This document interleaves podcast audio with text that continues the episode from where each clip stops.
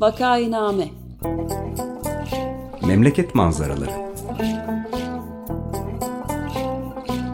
Hazırlayan ve sunanlar Güven Güzeldere, Ömer Madra ve Özlem Teke.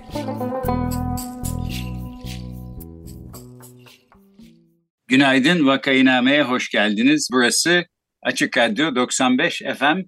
Vakainame'yi Ömer Madra, Özlem Teke ve ben Güven Güzeldere birlikte hazırlayıp sunuyoruz. Bugün konuğumuz gazeteci yazar Tuğba Tekerek. Hoş geldiniz Tuğba Hanım. Merhabalar, hoş bulduk. Merhaba Tuğba, hoş geldin. Merhabalar. Merhabalar, konuğumuz Tuğba Tekerek, Boğaziçi Üniversitesi İşletme Bölümünde lisans eğitimi aldıktan sonra aynı üniversitede Modern Türkiye Tarihi yüksek lisans programını tamamladı. Gazeteciliği 2006 yılında Milliyet Gazetesi'nde adım attı. Daha sonra Taraf Gazetesi'nde çalıştı. Çağdaş Gazeteciler Derneği tarafından verilen yılın başarılı gazetecisi ödülünü iki kez aldı. 2014 yılından bu yana serbest gazeteci olarak yerli ve yabancı medya için çalışıyor. Hoş geldiniz. Merhabalar, hoş bulduk. Ee, şimdi biz bugün Tuğba Tekerek'in 2023 yılı başında çıkmış olan Taşra Üniversiteleri alt başlığı AKP AK Parti'nin arka kampüsü e, e, olan e, kitabı konuşmak istiyoruz. Bu kitaptan daha önce bahsedildi açık e, radyoda aslında ama e, biz de yeniden konuşalım istiyoruz. Bence çok iyi hazırlanmış, önemli ve güzel bir kitap. Üstelik biz e, malum Boğaziçi Üniversitesi'nde olan bitenleri de takip etmeye çalışıyoruz ilk zamanlarından bu yana e, gelecek haftada bu programa bağlayacak da bir şekilde e, Profesör Mine Eder ile yine Boğaziçi Üniversitesi'nin durumu hakkında konuşacağız. Aslında Tuğba Tekerek'in Taşra Üniversiteleri kitabı Boğaziçi Üniversitesi'nde yaşananlara da ışık tutuyor diye düşünüyoruz naçizane. E, şimdi Taşra Üniversiteleri belli ki çok beğenilen bir kitap oldu. Dördüncü baskısını yapmış Haziran ayı itibariyle diye görüyorum e, tebrik ederim. Şöylece e, bir soruyla başlayayım. Biraz beylik bir soru olacak ama e, şimdi bu taş üniversiteleri belli ki e, böyle özenli ve uzun bir çalışma sonucunda ortaya çıkmış e, bir kitap. E, hani işte şöyle oturayım da yazayım iki haftada bir kitabı diye yazılabilecek bir kitap değil. E, dolayısıyla buna bir şekilde bunu önemsemiş olmak ve buna zamanında e, ne zaman emin değilim e, niyet etmiş olmak lazım. E, beylik sorum da bu olsun. Nereden e, aklınıza geldi şöyle bir kitap yazayım dediniz ve bu konuyu araştırmaya başladınız? E, bu konuyu araştırmaya 8 yıl önce e, başladım. 2 haftalık değil bayağı uzun hani iki doktora tezi çıkaracak sürede e, hazırladım. Tabii bunun yanı sıra gazetecilik yaptığım için ve başka gazetecilik e, başka işler yaptığım için bu kadar uzun sürdü. Yani 8 yıl önce aslında gezi sonrası bir süreçti. Gezi sonrası süreçte işte hocaların e, işte o soruşturma açıldı, gezi tişörtü giyiyor diye hani bu tip şeyler vardı. E, ben gazetede çalışıyordum, Taraf Gazetesi'nde ve işte birkaç e, yeri arayayım falan diye bir, bir telefon açtım. Taşra Üniversitelerine aradığımda e, yani biz İstanbul'da büyük şehirlerdeki baskıyı falan görüyoruz ama hani taşra üniversitelerinde daha farklı bir baskı olduğunu aslında oralarda üniversitenin kuruluşu itibariyle başka bir yapı kurulmuş olduğunu başka bir kültür olduğunu fark ettim. E, ve o zaman e, hani bu üniversitelere bakmaya karar vermiştim. E, yani bir e, gözümüzü büyük şehirlerden küçük şehirlere, Anadolu'ya, bize daha derin akımları gösterecek yerlere çevirmek e, açısından önemli olduğunu düşünmüştüm. İkincisi eğitim, üniversite, e, bu da çok beylik bir şey olacak ama gerçekten e, bir ülkenin en önemli kurumları, gençler geleceğini, e, bugününü ve geleceğini e, belirleyen e, unsurlar. E, o açıdan e, üniversitelerin önemli olduğunu düşünüp e, buraya bakmaya karar vermiştim. E, peki şimdi taşra kelimesi dıştan geliyor. E, yani dışarıda kalmış ya da en merkezi yerlerin işte çeperindeki e, yerleri, coğrafyaları e, betimliyor. herhalde Taşra Üniversitesi'nden ve Küçükşehir Üniversitelerini kastediyoruz. Sahiden Küçükşehir Üniversitelerinde sayısal olarak hızlı bir e, yükseliş oldu son 20 senede. Fakat bunun genel bir vizyon içinde yapıldığını ve e, aslında Adalet ve Kalkınma Partisi'nin arka kampüsünün oluşturulmaya çalışıldığını söylüyorsunuz. E, bu taşra üniversitelerini çalışırken, araştırırken en çok e, sizi çarpan bulgu ne oldu? Evet, ya söylediğiniz gibi 2006'dan itibaren e, açılmaya başlanıyor bu üniversiteler. Önce küçük şehirlerde, daha önce üniversitesi olmayan 41 e, şehirde açılıyor. Sonra e, işte, üniversitesi olan orta büyüklükte ve işte İstanbul gibi şehirlerde açılıyor. E, bir sayı vermek gerekirse devlet üniversitelerinin sayısı 53'ten 129'a yükseldi. Vakıf üniversitelerini de kattığımızda sayı 208. Sadece İstanbul'daki e, üniversite sayısı 60. E, bu rakamları verdim çünkü gerçekten 17 yıl içerisinde üniversite sistemi içeris sisteminde muazzam bir genişleme oldu. Yani öğrenci sayısı iki katına, üç katına çıktı. Öğretim üyesi sayısı iki katından fazla arttı.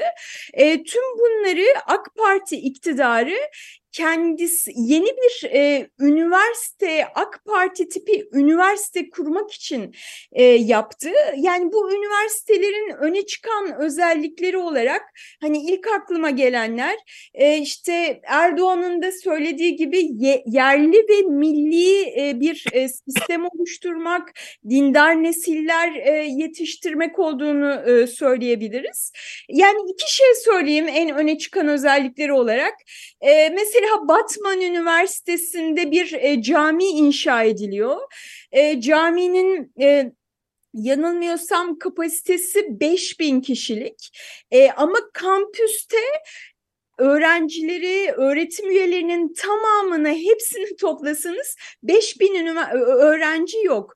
Yani öğrenci kapasitesinin, öğrenci sayısından daha fazla kapasitesi olan camiler inşa ediliyor. Yani bu camileri e, yeni dönem AK Parti tipi üniversitelerin hani öyle çarpıcı göstergelerinden birisi olarak söyleyebiliriz. Bir başka örnek e, Türkiye'nin en büyük üçüncü camisi bugün Ulus, Uludağ Üniversitesi'ne yapılıyor. 20 bin e, kişi kapasiteli. Yani üniversiteler dinle eğitimin harmanlandığı yerler olarak e, kurgulanıyor.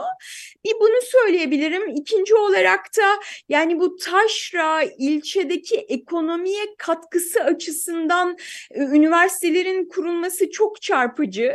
Yani Şebin Karahisar'da kağıt üstündeki nüfusu 10 bin ama aslında 10 bin kişi yaşamıyor. Çok daha az kişi yaşıyor. Oraya sırf ilçenin ekonomisini kalkındırmak için 2 bin öğrenci götürülüyor ve ve bu yani bu öğrenciler örneğin Şebin Karahisar'da moda tasarımı eğitimi alıyorlar.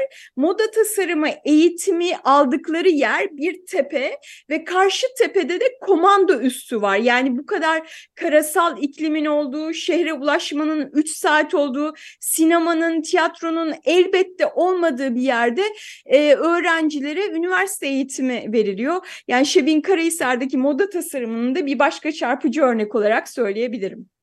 Peki bir de şunu sorayım. Yani böyle bir vizyonla işte bu üniversiteler kurulmuş olsa dahi e, beklenmedik bir takım sonuçlara e, insanları götürür mü? Çünkü genç insanları bir araya getiriyorsunuz, işte iyi kötü bir eğitim veriyorsunuz filan. E, genellikle taşra şehirlerinin e, canlanmasına da sebep olduğunu görüyoruz üniversitelerde.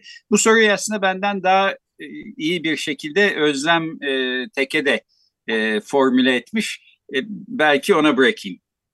Teşekkürler Güven Bey. Şimdi milliyetçi dindar bir nesil, AK Parti fikriyatının savunucusu, akademik kadrolar, kamu kaynaklarının aktarılması için bir alan, e, işte taşranın ekonomi politiğinin yeniden üretildiği ve mevcut iktidarın bir taşla beş değil on kuş vurduğu bir e, politikalar e, serisi var ortada.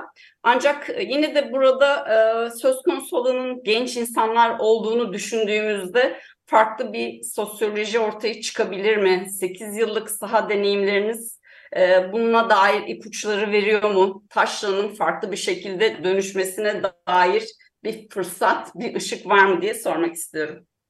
E, taşra üniversiteleri bir açıdan hani yoksul e, gençlerin iyi kötü bir üniversite eğitimine ulaşmasına imkan sağlıyor. Örneğin Ağrı'nın Doğu Beyazıt ilçesindeki bir genç Ağrı'daki üniversite olmasa İstanbul'a, Ankara'ya ya da Erzurum'a gidemeyecek. Bu öğrencinin hani iyi kötü bir eğitime ulaşmasını sağlıyor. Tabii ki o eğitim çok sorunlu, çok ideolojik. Hani pek çok şey söylenebilir ve veri yani hem öğrencinin hem devletin yaptığı yatırımın elbette karşılığı değil. Ama yani böyle e, pek orada onlarca genç insanla konuştum ve hani gözlerindeki pırıltıyı, öğrenme isteğini, hevesini görüyorsunuz. Ve Ağrı'ya atanmış hasbelkader e, işte kadro bulmuş bir e, hoca ile karşılaşıyor ve o hoca onun hayatında bir pencere açabiliyor. Böyle örnekler var. İkinci olarak hiç şüphesiz e, kadınların eşit e, eğitim açısından eşit imkanlara ulaşması için bir e, katkı sunuyor. E, bir istatistik söyleyeyim size. 2013-2014 döneminde açık öğretim hariç üniversitelere kayıt yaptıran 100 erkeğe karşılık 90 kadın vardı. Yani 2013'te e, işte erkekler daha fazla kayıt e, yaptırıyordu üniversitelere. Ama 2021-22'ye geldiğimizde her 100 erkeğe karşılık 105 kadın kayıt yaptırıyor üniversitelere. Üstelik zor buldukları bu fırsatı çok da iyi değerlendirip e, mezuniyetlerde erkeklerin önüne geçiyor kadınlar. E, 100 erkeğe karşılık 116 kadın mezun olmuş 2021 yılında. Yani başörtüsü yasağının da kalkmasıyla birlikte demin anlattığım gibi işte Ağrı'nın bir ilçesinde 11 çocuklu e, bir imamın kızı üniversite okuyabiliyor. E, bu taş üniversitelerinin böyle faydaları olduğunu söyleyebiliriz. Bir başka faydası da e, sonuçta siz e, işte 5-10 bin öğrenciyi bir kampüse topluyorsunuz ve o şehir için ya da işte ilçe kampüsü ise ilçenin ekonomisi için o gençler son derece önemli. Bir noktaya kadar onları baskılamaya, yeri geldiğinde şiddet uygulamaya çalışsalar da e, sonuçta işte bu gençlerin geleceği kafeleri açıyorlar. E, işte bir şehre üniversitenin hemen karşısında içerisinde AVM, içine de işte sinema e, açılıyor. Bir şekilde o e, şehirdeki kült, şehirdeki insanları e, farklı bir kültürle, gençlik kültürüyle e, tanıştırıyor üniversiteler diyebilirim. Hani ufak bir örnek söyleyeyim bu konuda. E, sanıyorum Bingöl'de bir taksi şoförüyle konuşmuştum. Taksi şoförü diyordu ki e, bu öğrenciler e, buraya gelmeden önce e, bizim kızlarımız hiç kot pantolon falan giymezdi. Şimdi bunlar geldi, bunlar da kot pantolon giyiyor, bizim kızlar da kot pantolon giymeye başladı diye. Hani bunu öfkeyle söylüyordu. Ama bu kılık kıyafetten daha genel olarak e, bir kültürel değişime dair bir şey söylüyor. Gençler, üniversite gençleri geldikleri e, şehrin kültürünü de değiştiriyorlar. Evet, evet yani işte iyi bir üniversitenin insana vermesi gereken birinci özellik bence e, iyi akıl yürütebilme, bağımsız akıl yürütebilme ve gerektiği yerde itiraz edebilme e, ruhunu geliştirmek diyelim. Bunun tam tersi bir hayal kırıklığına uğratan bir üniversite eğitimi e, belki hiç olmayan bir üniversite eğitiminden de kötü olabilir ama benim de tahminim yani bu konuda yapılmış bir çalışma e, var mı bir anket çalışması falan bilmiyorum ama e, her halükarda üniversitelerin en kırık dökük halleriyle bile olsa hiç olmamalarından daha iyi olduğu özellikle kadınların e, topluma karışması, e, bir eğitim alması, işte belki ekonomik özgürlüklerine kavuşması filan açısından faydalı olduğunu düşünüyorum. Sen de galiba bu görüştesin galiba değil mi yaklaşık olarak?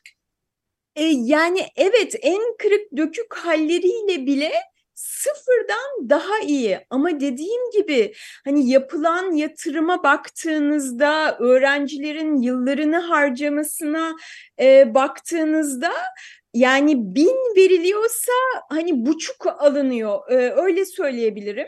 Yani bu öğrenciler en temel hani üniversitelerde en temel dersler var ya herkesin mutlaka bilmesi lazım diye öğretilen Türk Dili Edebiyatı, işte Atatürk ilkeleri, inkılap tarihi, İngilizce ve bilgisayar.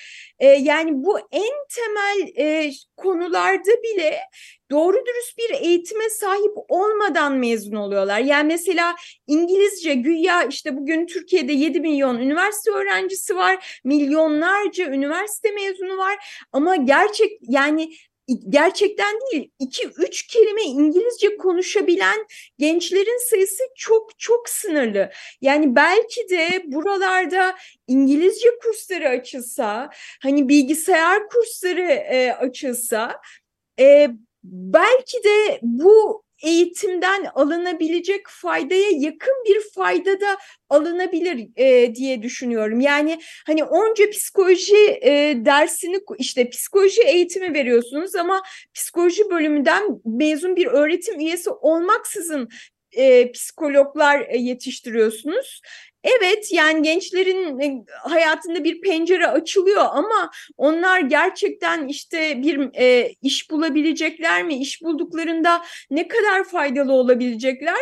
E, çok şey e, maalesef e, ümit var yanıtlar veremeyeceğimiz sorular bunlar. Evet kitaptan ben de bir şey sormak istiyorum bu müteveffa arkadaşımız Oruç Araoba ta YÖK'ün kurulduğu dönemlerde 1981'de üniversitenin ölümü diye e, çarpıcı kısa ama özlü bir çarpıcı yazı yazmıştı. Orada işte üniversite sözcüğüne evrensellik, bütünlük, hakikatin birliği e, ya, ya da bir yerde bulunmak, bir işle uğraşmak gibi anlamlara gelen tek bir iş için yaşamak, tek bir işle uğraşmak gibi anlamlar da çıkarılıyor bütün üniversitenin deyip Ondan sonra da üniversiteler çok uzun ömürlü canlı varlıklar gibi yaşam bulurlar, yaşarlar diye ilginç bir tarihsel dökümünü de verdikten sonra bu sürecin koşullarını söylüyordu. Yani birincisi yeni üyelerin yetişmeleri ve üniversite bütünlüğüne katılmaları ancak eski üyelerin kararlarına ve seçmelerine bağlıysa bu gelenek oluşabilir ve sürebilir. İkincisi işte yeni üyeler hangi geleneğe katıldıklarını, kimlerle birlikte çalışacaklarını bilerek üniversite bütünlüğüne kendi seçimleriyle katılabiliyorlarsa bu gelenek oluşabilir, sürebilir. Ve üçüncüsü de eski ve yeni üyeler çalışmalarını ve karşılıklı ilişkilerini bunlarla ilgili birbirlerinden başka kimseye hesap verme zorunda kalmadan tam özgür bir tartışma ortamında. Yani gündelik sıkıntılardan, gelecek kaygılarından filan her bakımdan arınmış bir ortamda yürütebiliyorlarsa bu gelenek oluşabilir, sürebilir diye üç kriter de söylüyordu. Üniversite nasıl yaşar diye. Tabii yazıda YÖK'le beraber Türkiye'de üniversitenin öldüğü kanaatindeydi. Ta 1981 yılında ya bundan 40 yıl önceki yazısında 42 yıl önceki e, şimdi bu senin kitabı da okuduk daha önce de konuşmuştuk Tuğba ama bu açıdan da nasıl değerlendirirsin bu taşra üniversitelerini? Elbette yani bundan 20 yıl önce de üniversitelerimizin çok ciddi problemleri vardı. Ee, yani Türkiye'de Cumhuriyet'ten e, e, yani Darülfünun'dan bu yana e, üniversitelerde e, akademik özgürlükler açısından son derece sorunlu bir sistem var. E, ama artık geldiğimiz noktada yani hani bunlara üniversite denilebilir mi e, noktasına ya da yapılan pek çok faaliyet için ya bunlar gerçekten bir akademik faaliyet mi e, diye e, sordurtan durumlarla e, karşılaşıyoruz. E, Ağrı'da Doğu Beyazıt ilçesinde yani sadece oraya ekonomik hareketlilik getirmek için ve bakın biz e, işte burada terörü bitirdik ve turist getiriyoruz diye e, işte uluslararası sempozyum yapılıyor. E, güya uluslararası sempozyum, e, uluslararası sempozyumda katılan yabancılar işte İran'dan, Azerbaycan'dan e, böyle yani genellikle Orta Doğu'dan ve Müslüman nüfusu ülkelerden getiriliyor ve yani burada e, çeviri yok. Yani ne simultane çeviri var, ne ardıl çeviri var. Örneğin İran'dan birisi gelmiş, e, işte bir e, bildiri okuyor e, ama yani hiç kimse salondaki hiç kimse anlamıyor. Salonda da zaten hani 3-5 kişi var.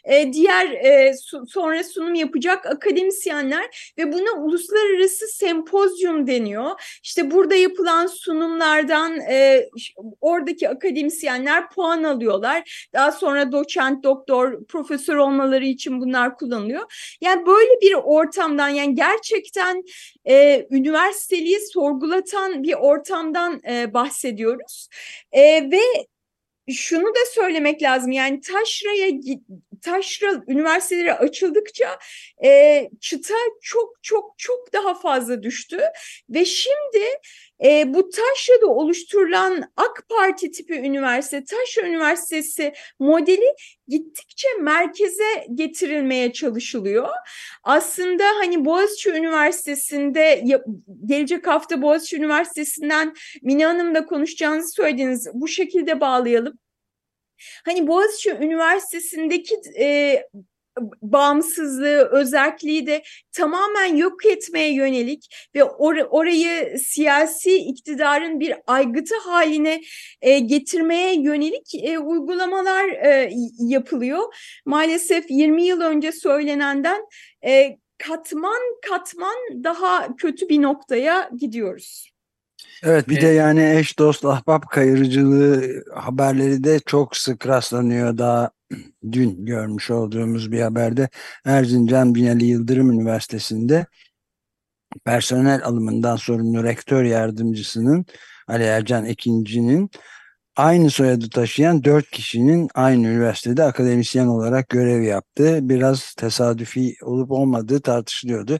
Yani böyle kuşkuların da yer aldığı bir ortam fazla da kurcalamak istemiyorum ama bunu da sormuş olayım. Yani 2006'dan sonra akademisyen sayısı 85 binden hani 200 binlere çıktı. 100 bin yeni akademisyen geldi.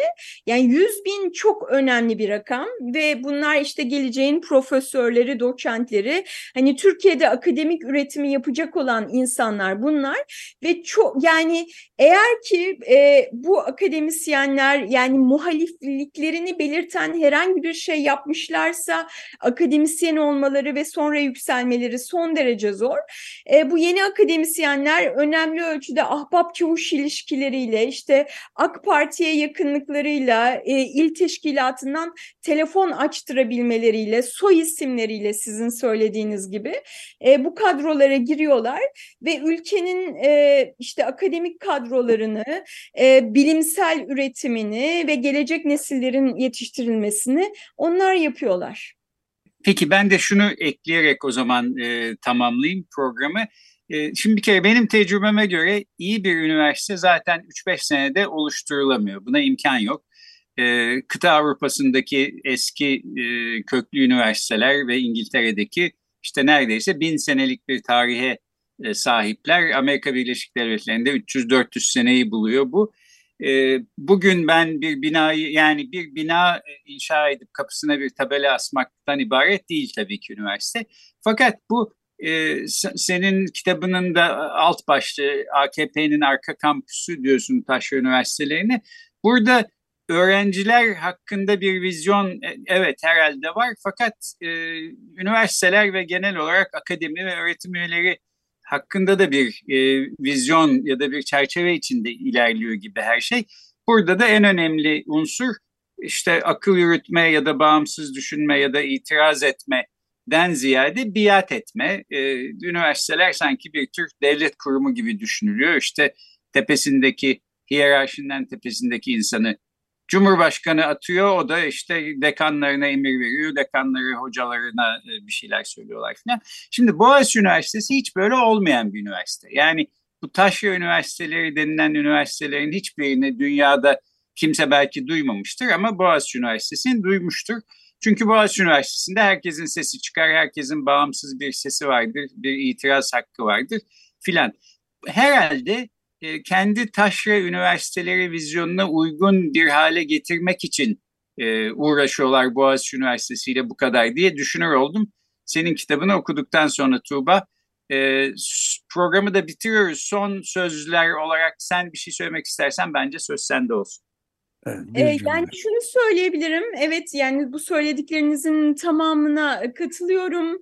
Hani Boğaziçi Üniversitesi'ni e, Bart hani şey e, üniversite ismi vermeyeyim ama yani Taşra'daki e, her bir üniversite haline getirinceye kadar uğraşacaklar. Yani oradaki hocaları o kadar biat ettirinceye kadar e, uğraşacaklar sanıyorum. E, ama oradaki hocalar ve öğrenciler ve kısmen mezunlar da e, gerçekten hani buna direniyorlar.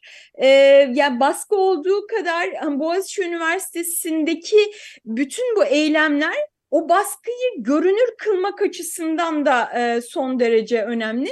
Yani taşrada son derece sıradan olan şeyler yani işte aynı soy isimli birinin atanması e, hoca olarak mesela. E, Boğaziçi Üniversitesi'ndeki eylemlerle, protestolarla her hafta e, şey yaptıkları, e, açıkladıkları bildirilerle hani üniversitelerde Boğaziçi Üniversitesi'nde ne yapıldığını da ortaya koyuyorlar. E, bir e, direnişin örneği olarak da çok önemli Boğaziçi Üniversitesi. Ben de son olarak bunu söyleyeyim. Tamam, teşekkür ederiz. Bu Çok tartışma teşekkürler. bir hafta e, devam edeceğiz. Bugünkü programda konuğumuz gazeteci yazar Tuğba Tekerek'ti. E, bu senenin başında çıkmış olan Taşra Üniversiteleri AKP'nin Arka Kampüsü isimli kitabından konuştuk. Çok teşekkür ediyoruz Tuğba.